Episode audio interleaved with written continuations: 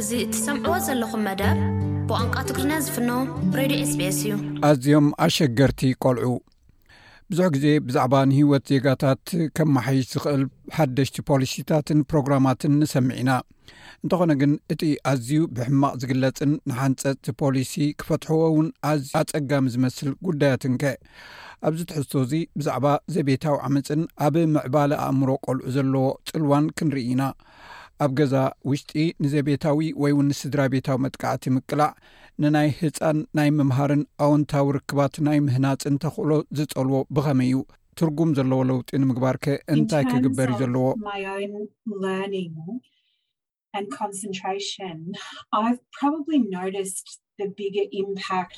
ኣብ ናይ ገዛእ ርእሰይ ምምሃርን ኣተኩሮን ምስ ዓበኹ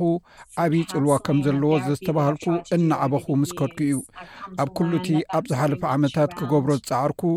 ንማዕዳን ፍወሳን እዚ ኣብ ከባቢ እቲ ኣነ ዝነብረሉ ልዕለ ንቕሓት ምዃኑ ተማሂረ እየ ስለዚ ስግኣት ከስዕብ ንዝኽእል ነገራት ብቐጻሊ ምግምጋም ዘድሊ ጉዳይ እዩ።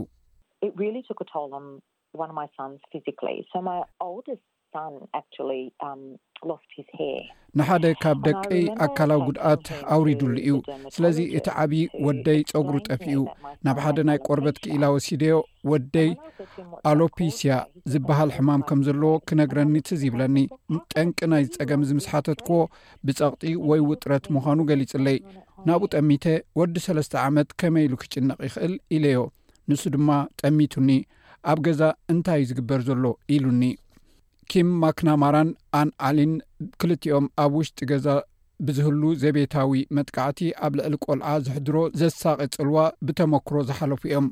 ኣብ ክፍሊ ምምሃር ንጹር ከይከውን ይኽእል እዩ ዝህሉ ናይ ሓግዙ ንብኽያት መብዛሕትኡ ግዜ ብጌጋ ዝርዳእ ወይ ዘይፍለጥ ክኸውን ይኽእል እዩ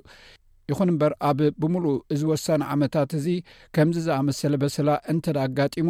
እቲ ኣብ ቆልዓ ዝወርድ ዘቤታዊ ዓመፅ ንምሉእ ህይወቱ ክስዕቦ ዝኽእል እዩ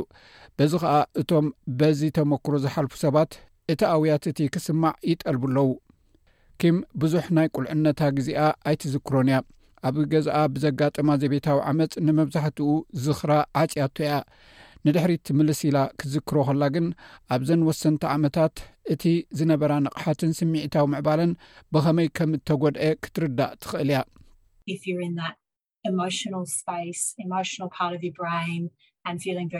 ኣብቲ ስምዒታዊ ሃዋህው እንተሊኻ ኣብቲ ክፋል ናይ ስምዒት ሓንጎልካ ኣዝዩ ዘጨንቕ ስምዒት እዩ ዝስምዓካ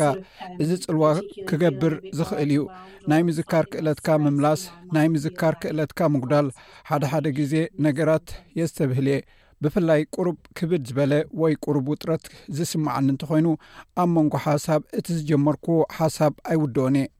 እንተኾነ ግን ኣብ ቤት ትምህርቲ ብዙሕ ግዜ ከተተኩር ከም ዘይትኽእል ትዝክር እያ እቲ ናይ ራዕድን ፍርሕን ስምዒታት እዚ ኩርኤ ኣብ መወዳእታ ናብ ገዛይ ክምለስ ከለኹ ምስቲ ስምዒት ይኸይድ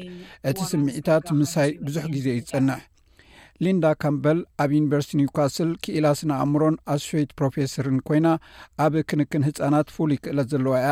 ንዘቤታዊ ወይ ስድራ ቤታዊ መጥቃዕቲ ዝተቃልዑ ህፃናት ኣብ ቀፃሊ ናይ ሃይፐር ወይ ሃይ ኣራውዛል ኩነታት ከም ዝርከቡ ትዛረብ ኣብ ናይ ምልክታት ደሓን ወይ ናይ ዘይደሓን ኩነታት ስምዒት ዝስማዓካ ገዛእ ርእስኻ ንምክልኻል ቀልጢፍካ ስጉምቲ ክትወስድ ከም ዘለካ ብቐጻሊ እዩ ዝስማዓካ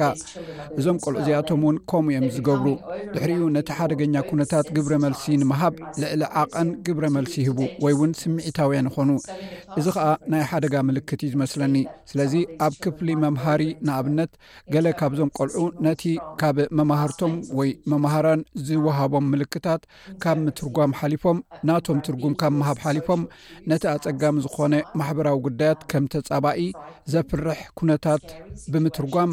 ፅቡቕ ማሕበራዊ ርክብ ንምምስራት ይፅገሙ ወይ እውን ብሕማቕ ምላሽ ከም ዝህቡ ክትግንዘብ ትኽእል ኢኻ ሮዌና ሞፍትስ ኣብ ቤነቮለንት ሶሳይቲ ማሕበር ደቂ ኣንስትዮ ህፃናትን ስድራ ቤትን ናይ ማእከል ጥዕና ኣካየዲት እያ እቲ ንሳ ትመርሖ ትካል ነቶም ሓገዝ ዘድልዮም ኣውስትራልያውያን ካብ ዝድግፉ ጉጅለ እዩ ንሳ ከም ዝገልፆ እቶም በዚ ኩነታት ዝሓልፉ ቆልዑ መብዛሕትኡ ግዜ ኣብ ውሽጢ ገዛ ብዝፍፀም መጥቃዕቲ ብውሽጣዊ ስምዒትን ሕፍረትን ዝሳቀዩ እዮም ኣብ ዘቤታዊ ዓመፅ ከይኣትዉ ስለ ዝፈርሑ ካብዚ ንምንጋፍ ሃሳይ ጠባያት የማዕብሉ እዚ ድማ እቲ ፅንኩርን ሕንፍሽፍሽን ዝበለ ሃዋህ እዩ ስለዚ መብዛሕትኡ ግዜ ነቶም ጠባያት ከም ናብ ናይ ቤት ትምህርቲ ዝበሉ ክውሰዱ ይኽእሉ እዮም ከባቢ ናይቲ ጠባያት ብጌጋ ይርድዎ ስለዚ እቲ ቆልዓ በቲ ጠባይቲ ተሓታት ይኸውን እቲ ፀገም ድማ ብዛዕባ እቲ ቆልዓ ይኸውን ስለዚ እቲ ቆልዓ ተሓታቲ ይኸውን እቲ ናይ ሓቂ ጉዳይ ብዛዕባ ኣብ ገዛ ዝፍፀም ዓመፅን ዘስካሕክሕ ግብረ መልስን እዩ ይኹን እምበር ሞፋት እቶም ብዝያዳ ኣብ ሓደጋ ዘለዉ ቆልዑ እቶም ብቐሊሉ ክትርድኦም ዘይትኽእል ምዃኖም እያ ተጠንቀቕ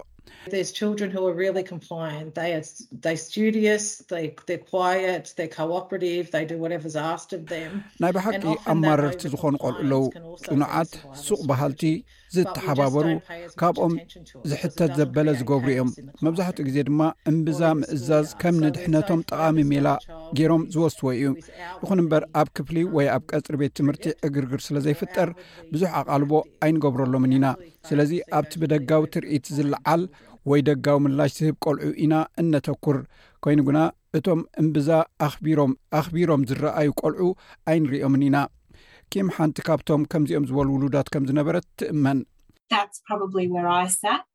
ኣብቲ ቦታ እቲ ኸኣ እየ ካብ ዝዀነ ይኹን ንላዕሊ ዝምደብ፣ ህድእትን ስርሐይ ብዝግባእ ክሰርሕ ዝጽዕር ዝነበርኩ እየ። ምክንያቱ ብግቡእ ዘይምስራሕ ንዓይ ኣገዳሲ ፅልዋ ነይርዎ እዩ እቲ ውፅኢት ፅቡቅ እንተዘይኮይኑ ከምኡ ዓይነት ውፅኢት እዩ ዘለዎ ስለዚ ብጣዕሚ እየ ዝፅዕር ነይረ ሓደ ሓደ ግዜ ከዓ ከምኡ ዝስማዓካ እንተኮይኑ ኣመና ከቢድ ክኸውን ይኽእል እዩ በዚ መንፅር እዚ ዋላ ክትስርሓዮ ነቲ ዝድለ ዘሎ ክትርድኦ ትኽእል ከመይሲ ብልዕሊ መጠን ሓበሬታ ጥራይ ኢኻ እትወሓጥ ብመሰረት ዛ ኣውስትራልያ ቻይልድሁድ ፋውንዴሽን ዝተገብረ መፅናዕቲ ስሳን ሸሞንተን ካብ ሚእቲ ካብቶም ንዓመፅ ዝቃልዑ ህፃናት ካብ መዛንኦም እንተወሓደ ብክልተ ዓመት ብትምህርቲ ንድሕሪት ዝተርፉ እዮም ሚስ ሞፋትስ እዚ ዘይትቋፃፀሮ ስነኣእምራዊ ግብረ መልሲ በሰላ እዩ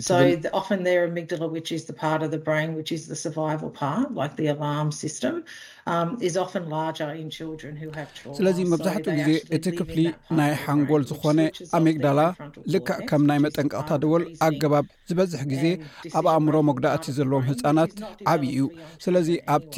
ክፋል ሓንጎሎም እዮም ዝነብሩ እዚ ድማ መረድእን ውሳኔን ዝህብ ክፍሊ ናይ ሓንጎል እዩ እዚ ንህፃናት ዘየማዕበለ ስለዚ እቲ ዘለዎም ውሑድ ዓቕሚ መብዛሕትኡ ግዜ ኣብ ናይ ቃልሲ ወይ ምህዳም ኩነታት ዝነብሩ እንተኮይኖም ኣብ ከባቢ ዘይርጉእ ኩነት ዝነብሩ እዮም እዚ ኣብ ክፍሊ ከተትኩር ዘይምኽኣል መብዛሕትኡ ግዜ ዝርዳኣሉ ሚስኑ ኣብ ናይ ደቂ ኣንስትዮን ህፃናትን መዕቆቢ ዝሰርሕ ናይ ስነ ኣእምሮ ምሁር ሳስኪያ ባሃን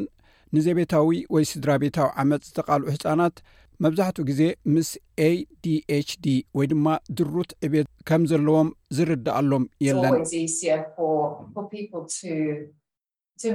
ሰባት ነቲ ትሕቲ ኩነታት ምኽንያት ወይ ነቲ እንሪኦ ጠባያት መሰረት ብምግባር ኣብ ትዕዝብቲ ዝተመርኮሰ መርመራታት ክገብሩ ዝቐለለ ክኸውን ይኽእል እዩ ሓደ ሓደ ግዜ ሰባት ስለ ዘይፈልጥዎ እዩ ኣብ ገዛ ዝፍፀም መጥቃዕቲ ኣዝዩ ከቢድ ክኸውን ይኽእል እዩ ሓደ ካብቲ እቶም ቆልዑ ካብ ገዛ ሒዞሞ ዝመፁ ተመክሮታት ምዃኑ ንሰብ ሞያ ንፁር ኣይኮነን እዚ ድማ ነቲ መርመራ ኣብ ትዕዝብቲ በንፃር ናይቲ ብድሕርዚ ኩነታት ዘሎ በሰላ ኣእምሮ ክኸውን ይኽእል እዩ ፀብፃብ ፋውንዴሽን ቻይልድሁድ ኣውስትራልያ ብተወሳኺ 42 ሚታዊ ንዓመፅ ዝተቓሉ ህፃናት ኣዕሩኽ ንምግባርን ንምሓዝን ዓብ ፀገም ከም ዘለዎም ይሕብር 48 ካብ ሚእቲ ድማ ኣብ ቤት ትምህርቲ ዝተናሸዉ ወይ ቡሉይት ዝኾኑ ኮይኑ ይስምዖም ብዙሓት ቆልዑ ምስቲ ዓመጸኛ ዘይኮነ ወላዲኦም ጥቡቕ ርክብ ይህልዎም። እዚ ንኪምን ንሳን ኣብ ጎኒ ኣዲኦም ኮይኖም ስድራቤታዊ ዓመጽ ግዳይ ዝኾኑ ዝነበሩሉ ኣጋጣሚ እዩ።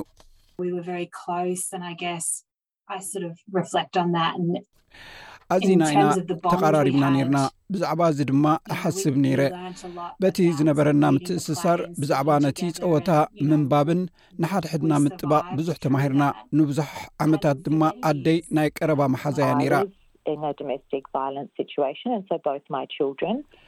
ኣብ ኩነታት ዘቤታዊ ጎነፅ እየ ነይረ ስለዚ um, ክልቲኦም ደቀይ ዘቤታዊ ዓመፅ ሒዞም ይነብሩ ነበሩ ሓደ እዋን ወደይ ወዲ ዓስርተ ሸሞንተ ዓመት ምስ ኮነ ምስኡ ኣብ ምሳሕ ኮፍ ኢለ ኣይተሓዘለ ኢለዮ ፅቡቕ ናይ ወዲ ተባዕታይ ኣርኣያ ዝኾነካ ኣይሃብኩኻን ኢለዮ ድማ ንሱ ድማ ኖ ኣደይ እዚ ኣየድልየናን እዩ ምክንያቱ ንስኺ ነርክና ኢኺ ኢሉኒ ዶክተር ኣንኣሊ ከምዚ ትብል መዕቀሊ ገዛ ከተጥርየሎም እንተኸኣለት እኳ ንደቃ ብቐፃሊ ክትድግፎም ትቃለስ ከም ዝነበረት ትእመን Um, መብዛሕትኡ ግዜ ቆልዑ ኣብ ቤቶም ሕማቅ ኩነታት ንዝህሉ ኣብ ሂወቶም ናብ ካልእ ኣቦ ዝኮኖም ሰብ ማለት ናብ መምህሮም ይኸዱ እዮም ብረንዳን ኬና ኣብቲ ኣብ ቪክቶርያ ዝርከብ መባእታ ቤት ትምህርቲ ዊልሞት ሮድ ምክትል ርእሰ መምህር እዩ ኣብ ቀረባ እዋን ድማ ኣብቲ ኣብ ግዜ ቁልዕነት ዘሎ በሰላ ብምሕጋዝ ዘ ናሽናል ቲቺንግ ኣዋርድስ ተሸሊሙ ንሱ ከም ዝብሎ ኣብ ስድራ ቤቶም መጥቃዕቲ ዘጋጥሞም ቆልዑ መብዛሕትኡ ግዜ መምህር ክሕግዞም ኣብ ዝፅዕረሉ እዋን ኣይፈልጡን እዮም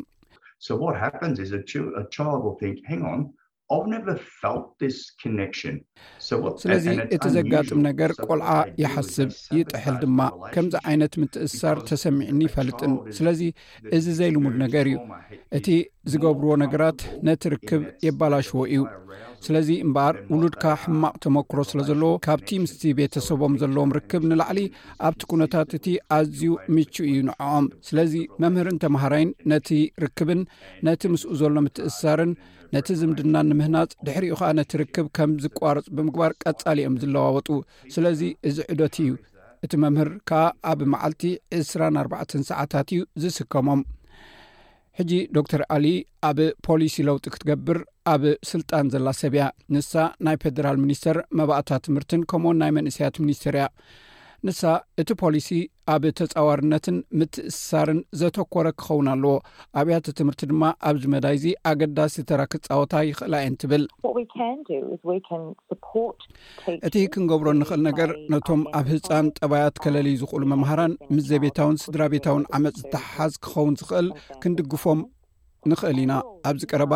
ገለ ዝተኣታተዉ ኣገባባት ኣለዉ እንተኾነ ግን ሃገራዊ መሰረታዊ ናይ ቆልዑ ውሑስ ዝኾነ ናይ ቤት ትምህርቲ ትካላት ክህልወና ኣለዎ ኣብ 219 ኩሎም ሚኒስተራት ትምህርቲ ነዚ ተሰማሚዖምሉ እዮም እቶም ሃገራዊ ስርዓታት ድማ ከመይ ገይሮም ብግብሪ ከተግብሮ ከም ዝኽእሉ ሓበሬታ ከጠቓልሉ እዮም ነዚ ንቕሓት ጠባይን ስምዒታዊ ፅልዋን ደው ምባል ዘቤታዊ ዓመፅ ዘጥቅዖም ህፃናት ከለለይዎም ዝኽእሉ ምዕባይ መምሃራን ንምሕጋዝ እዩ ኪም ሕጂ ናይ ድሕነት ኣማኻሪት ናይ ስድራ ቤታዊ መጥቃዕቲ ግብረ መልሲ ማእከል ማለት ሴፍ ስቴፕስ ቪክቶርያ እያ ኣብ ሂወታ ዓበይትን መምሃራንን ነቲ ኣብ ግዜ ህፃንነታ እተቕርቦ ዝነበረት ደሃይ ብክያት እንተ ዝቕበልዎን ዝፈልጥዎን ነይሮም ምናልባት እውን ክሳዕ ክንድኡ ኣደዳ ዓመፅ ክትከውን ከም ዘይትኽእል ትገልፅ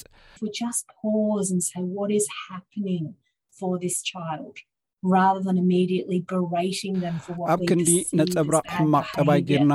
ርኢና um, ቀልጢፍና ንቐፅዖም ሓንሳእ ደው ኢልና ብምሕሳብ ብዛዕባ እቲ ቆልዓ እንታይ ከም ዝኾነ